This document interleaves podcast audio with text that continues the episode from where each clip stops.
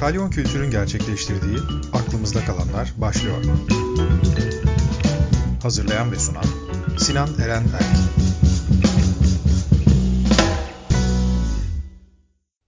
Herkese merhaba. Aklımızda Kalanlar'ın yeni bölümüne hoş geldiniz. Bugün konuğumuz e, daire sanatın, galeri dairenin direktörü ve kurucusu olan Selin Söl. Selin merhaba nasılsın? Merhaba, çok iyiyim. Teşekkürler. Cunda'dan selamlar.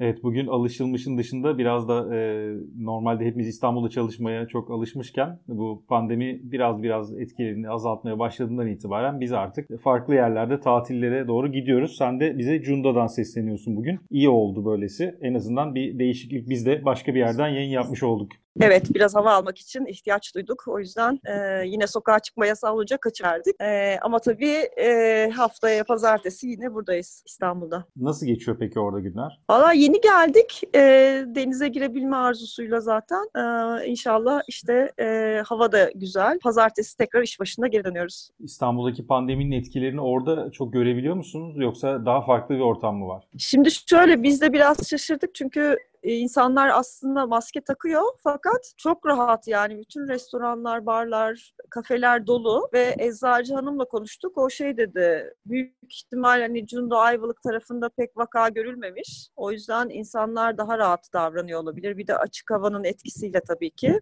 Ama kapalı mekanlarda tabii maske takılması şart. Aslında oteller, restoranlar gayet temkinli ve güvenlik önlemleri alarak yaklaşmışlar. Güzel bir şey ama turizm sezonu başladıkça ve kalabalıklaştıkça bunu ne kadar devam ettirebilirler ondan emin değilim. Göreceğiz.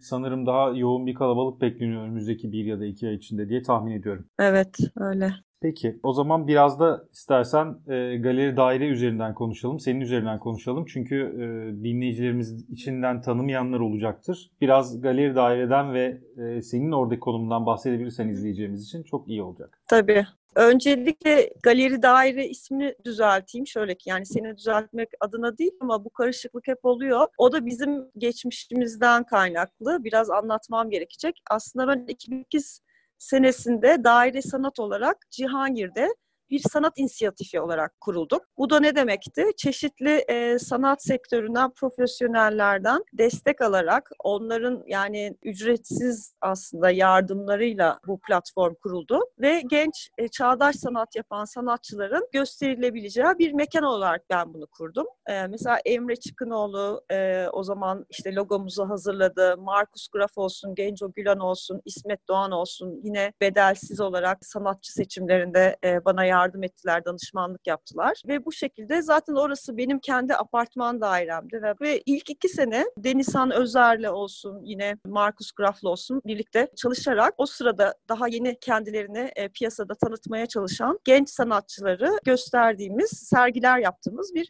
mekan haline geldi. Hatta ilk iki sene e, biz bir kazandığımız tabii komisyon alıyorduk yine ama o kazancın bir kısmını da e, öğrenci bursu olarak e, veriyor tuttuk.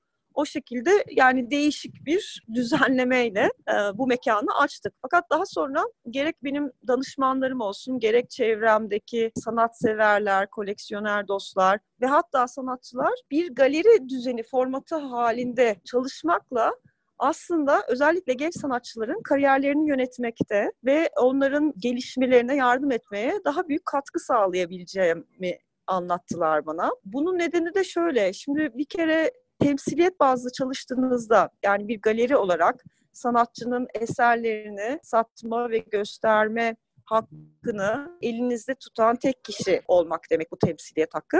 Bunu yaptığınızda taşın altına elinizi koyuyorsunuz. Ee, yani bu da ne demek? O sanatçıya yatırım yapıyorsunuz. Fuarlara mesela katılmaya başladık. İstanbul Contemporary Fuarı'na düzenli olarak katılmaya başladık. Burada gösterdiğimiz sanatçıların isimleri anında duyulmaya başladı. Oranın tabii çok geniş bir kitlesi var ve koleksiyoner anlamında da çok yoğun bir şekilde geziliyor. Dolayısıyla hemen tabii fuarda o isimleri gösterdiğinizde akılda yer etmeye başlıyor. Daha sonra bu sanatçıların e, solo sergilerini yaptığımızda ve fuarda kurduğumuz irtibatlarla bu kişileri, sanatseverleri ve koleksiyonerleri galeriye bu solo sergilere çağırdığımızda da yine o sanatçının tanıtımına büyük katkısı oluyordu. Biz bu şekilde devam ettik ve hatta o sırada Tophane tarafında bir galeri öbekleşmesi olmaya başlamıştı. O zamanlar Outlet Galeri sanırım ilk oraya gitmişti. P Artworks e, Non Galeri vardı, Ellipsis vardı fotoğraf galerisi. Onlar orada aslında bazı kötü e, ile ilgili meseleler de yaşadılar. Tam o dönemde de bir fırsat doğdu. Uygun bir fiyata ben orada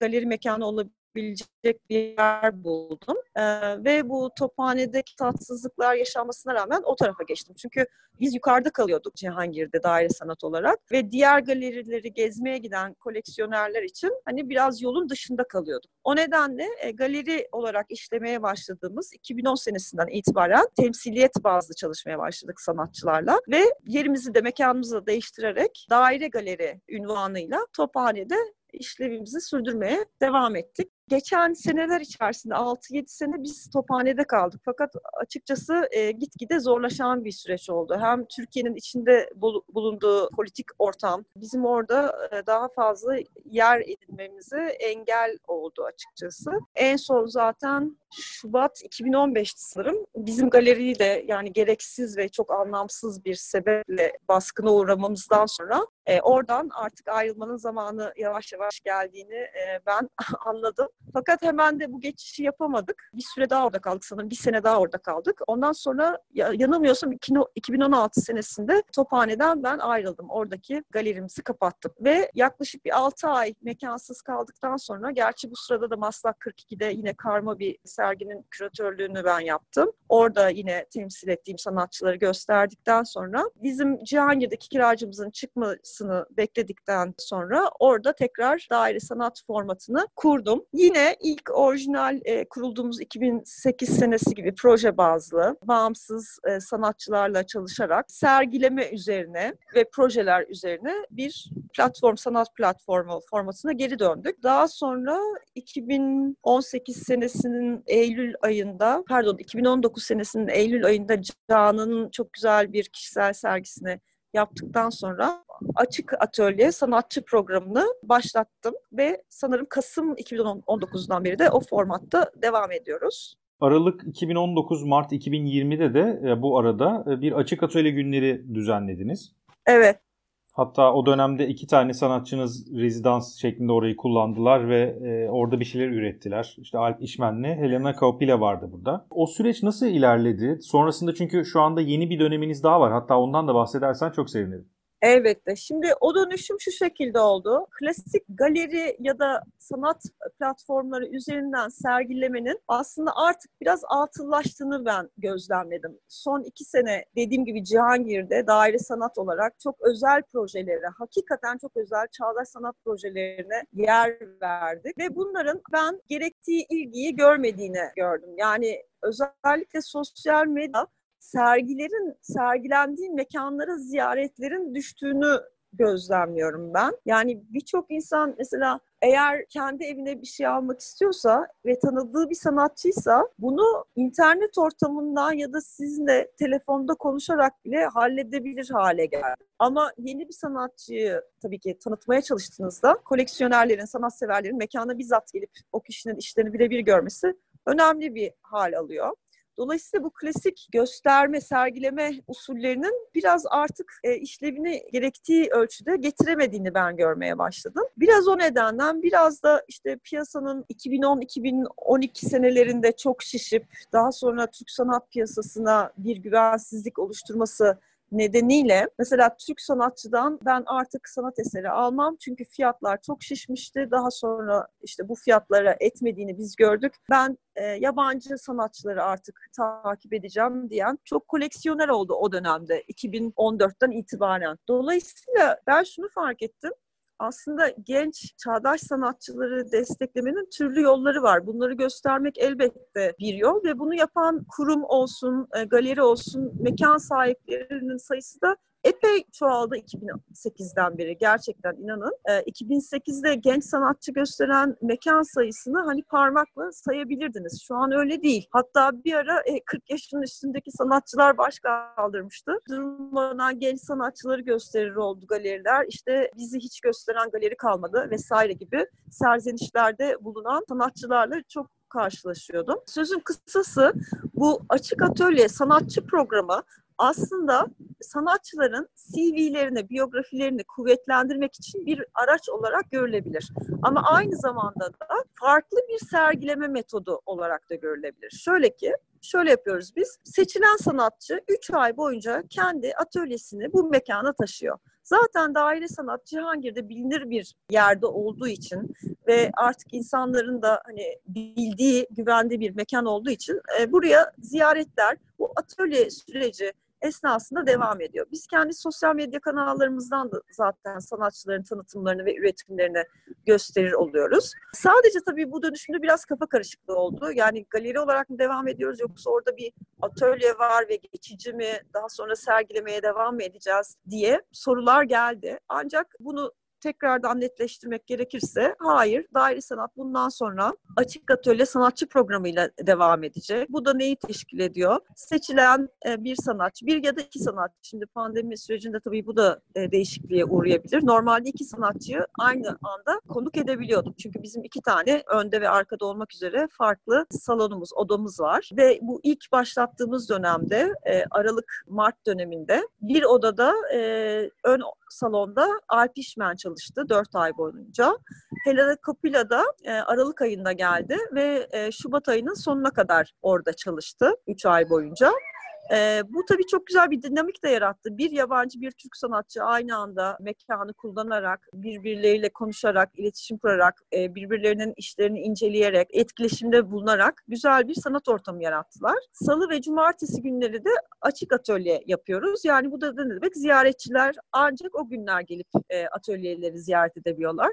Çünkü tabii sanatçının e, üretim sürecini ketlememek için ve onların daha konsantre bir şekilde çalışabilmelerini de engellememek adına iki farklı gün seçtik ve o günler e, ziyaretçiye açık olduğu günler sanatçı da gelen ziyaretçilerle diyalog geçip sohbet edip onlarla e, üretimlerini paylaşma imkanını bulabildi. Şimdi e, bu pandemi sürecinde ise seçtiğimiz sanatçı Işıl Çelik idi tam da Nisan ayının başında başlayacaktı. Kendisi Açık Atölye Sanatçı programı için çok güzel bir proje sunmuştu.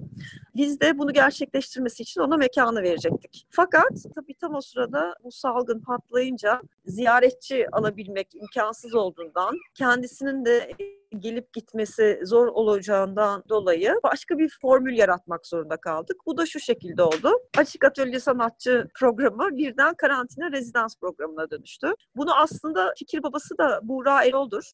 Buğra Erol benim daha önce çalıştığım iki farklı solo sana, e, sergisini yaptığım genç bir sanatçı. Kendisi Büyükada'da yaşıyor ve Büyükada'da pandemi esnasında büyük bir izolasyon içinde kendini buldu. Onunla dertleşirken bu e, fikri geliştirdik. Karantina rezidans adı altında bir süreçte sanatçılar kendi evlerinden çalışıp üretimlerini fotoğraflayarak, video e, çekerek bana yollayacaklar. Ben de onları sosyal medya kanallarımızdan hikayeleriyle, e, metinleriyle birlikte paylaşacaktım. Bu şekilde de e, izleyiciler zaten evlerinde dışarı çıkamazken bunları gayet rahatlıkla izleyebilecek ve sanatçıların üretimlerini görme imkanı bulabileceklerdi. Gerçekten de öyle oldu. En çok sevindiğim noktada özellikle Işıl Çelik'in e, yeni üretimlerinin gerçekleşmesi ve bu sıkıcı ve zorlayıcı izolasyon sürecinde bile kendini gayet disiplinli bir şekilde çalışmaya adayıp projesini gerçekleştirebilmesi oldu. Bu üç ay e, süresince mesela Işıl'ın zorlandığı dönemler de oldu. Çünkü seramik sanatçısı ve seramik malzeme bulmakta zorlandı. Yani çalıştığı toprak kültürü yoktu mesela. Onu e, alabilmek e, konusunda zorluklar yaşadı. Alternatif killerle e, üretim yaptı. Daha sonra şekillendirdikten sonra bu killeri fırına götürebilmek konusunda zorluk yaşadı. Çünkü yani sokağa çıkma yasakları gerek gerekse de fırının kapalı olması e, nedeniyle hani tam olarak işlerinin tamamlanma süreci e, uzamış oldu. Ama Haziran ayının başında üretim sürecini tamamlayabildi ve zaten Haziran başından itibaren de normalleşme süreci başladığı için işlerini tamamlayabildi. Şimdi biz bu süreci taçlandırmak ama açık atölye sanatçı programı ya da işte geçtiğimiz süreçte pandemi sürecinde e, karantina rezidans dediğimiz bu e, sürecin en sonunda sanatçının işlerini gösterebilmek amacıyla bir e, etkinlik düzenleyeceğiz. Bunun aslında gelecek hafta olmasını istiyorum. Maalesef gelecek haftada üniversite sınavları nedeniyle e, iki gün boyunca sokağa çıkma kısıtlamaları gerçekleştirecek biliyorsunuz. Bir şekilde hani bunu çözmemiz lazım. Henüz bunu tartışma aşamasındayız. Umarım bir çözüm bulabileceğiz. Çünkü Işıl'ın projesini göstermek gerçekten de çok istiyorum daire sanatta. Peki bu açık atölyenin yeni dönemi e, sanırım Eylül-Aralık ayları arasında gerçekleştirilecek. Evet doğru. Aralık ayında, e, 2019 Aralık ayında biz açık çağrı yaptık ve başvuru sürecini başlattık. 2020 Eylül döneminde yine iki sanatçı daire sanatta konuk olacaklar. Bunu da bir başvuru süreciyle seçmek istedik bu sefer. Kasım'ında Alp İşmen'le başlayan sürecimiz biraz aslında bu rezidans programının oturması adına bir pilot süreçti. 2019 Kasım ayında Alp İşmen atölyeye başladı. Sağ olsun kendisiyle aslında e, bu konuda konuştuk ve atölye sürecini bir pilot proje olarak yaşamayı kabul etti. Çünkü sonuçta bu rezidans programını ilk defa ben yapıyordum ve deneyerek, yanılarak biraz her şeyi yavaş yavaş deneyimleyerek yanlış yanlışları, doğruları, e, artıları, eksileri çıkarmak istiyordum. Alp de e, bu süreçte bana yardımcı olmayı kabul etti ve bir seçim sürecinden geçmedik. Ama tabii ki bu örnek pilot süreci geçirdikten sonra esas amacımız bir başvuru mekanizmasıyla programa katılanları seçmek idi. E, dolayısıyla da Aralık 2019'da ben bir açık çağrı yaptım sosyal medya kanallarımızdan. Bu çeşitli bültenlerde ve sanat dergilerinde de çıktı duyurusu. Haziran'ın 15'ine kadar sanatçıların portfolyolarıyla başvurmalarını rica ettim. Böylelikle bir seçici kurul tarafından portfolyolar değerlendirilecek ve e, iki sanatçı daire sanatta açık atölye sanatçı programına katılacaklar diye konuştuk. Açık çağrı yapıldı. Portfolyoların hepsi geldi. Bunları değerlendirmek üzere seçici kurulumuza yolladım ben. Ee, sanırım Temmuz sonu gibi herkes oylamayı bitirecek ve kazanan iki sanatçıyı Eylül 2020'de inşallah eğer salgın pandemi de izin verirse daire sanatta konuk edebileceğiz. Hepsine şimdiden başarılar. Ben kendi arkadaşlarımdan da başvuran bir iki kişinin olduğunu biliyorum. Tabii ki bunu ben de söylemeyeceğim kimler olduğunu sana ki sürecin şeffaflığına müdahale etmeyeyim. Seçici kuruldan biraz bahsetmek istiyorum. Seçici kurulumuzda güzel bir denge oluşturduk. İki tane koleksiyonerimiz var. Hapko Sanat Koleksiyonu'nun sahibi Öner Koca Beyoğlu. Sağ olsun zaten uzun zamandır bizim yaptıklarımızı, sergilerimizi, sanatçılarımızı izleyen bir koleksiyonerimizdir. Seçici kurulda yer almaya e, kabul etti. İkinci koleksiyonerimiz ise Aslı Bilge. G koleksiyonunun sahibi ve yöneticisi. Aynı zamanda da kendisi akademisyendir. Yine seçici kurulumuzda yer alan değerli bir arkadaşımız. Daha sonra sanatçı programında yer aldı. Bir önceki dönem yer almış sanatçıyı da ben bu kurulda görmek istedim. O nedenle Alp İşmen de seçici kurulumuzda. Ee, Sevda Süzer yaklaşık 5 senedir birlikte çalıştığım bir çalışma arkadaşım. Kendisi sanat tarihi yönetimi bölümünde yüksek lisansını tamamladı. Sergilemeler üzerine tezi. Dolayısıyla sanat tarihiyle yakın ilişkili bir tez bitirdi. Onu da seçici kurulumuza aldık. En son olarak da sanat yöneticisi olarak ben kurulda yer alıyorum. Oylamalarımızın sonunda kazanan iki kişiyi açıklayacağız. Umarım ki sanatçıların e, CV'lerini zenginleştirmeleri ve bu deney, deneyim sonrasında da e, yurt dışındaki e, residency'lere, konuk sanatçı konuk programlara katılmaları için e, bir platform, bir inisiyatifte oluşturmuş oluyoruz.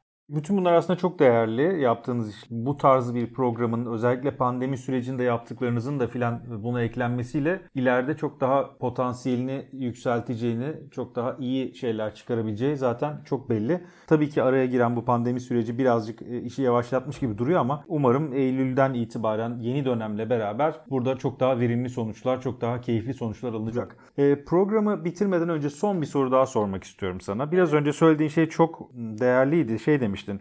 İnternet veya telefon üzerinden evet. satışlar yapılabiliyor ama genç sanatçılar için bu çok olmuyor bu durum. İnsanların gelip görmesi daha iyi sonuç veriyor demiştin.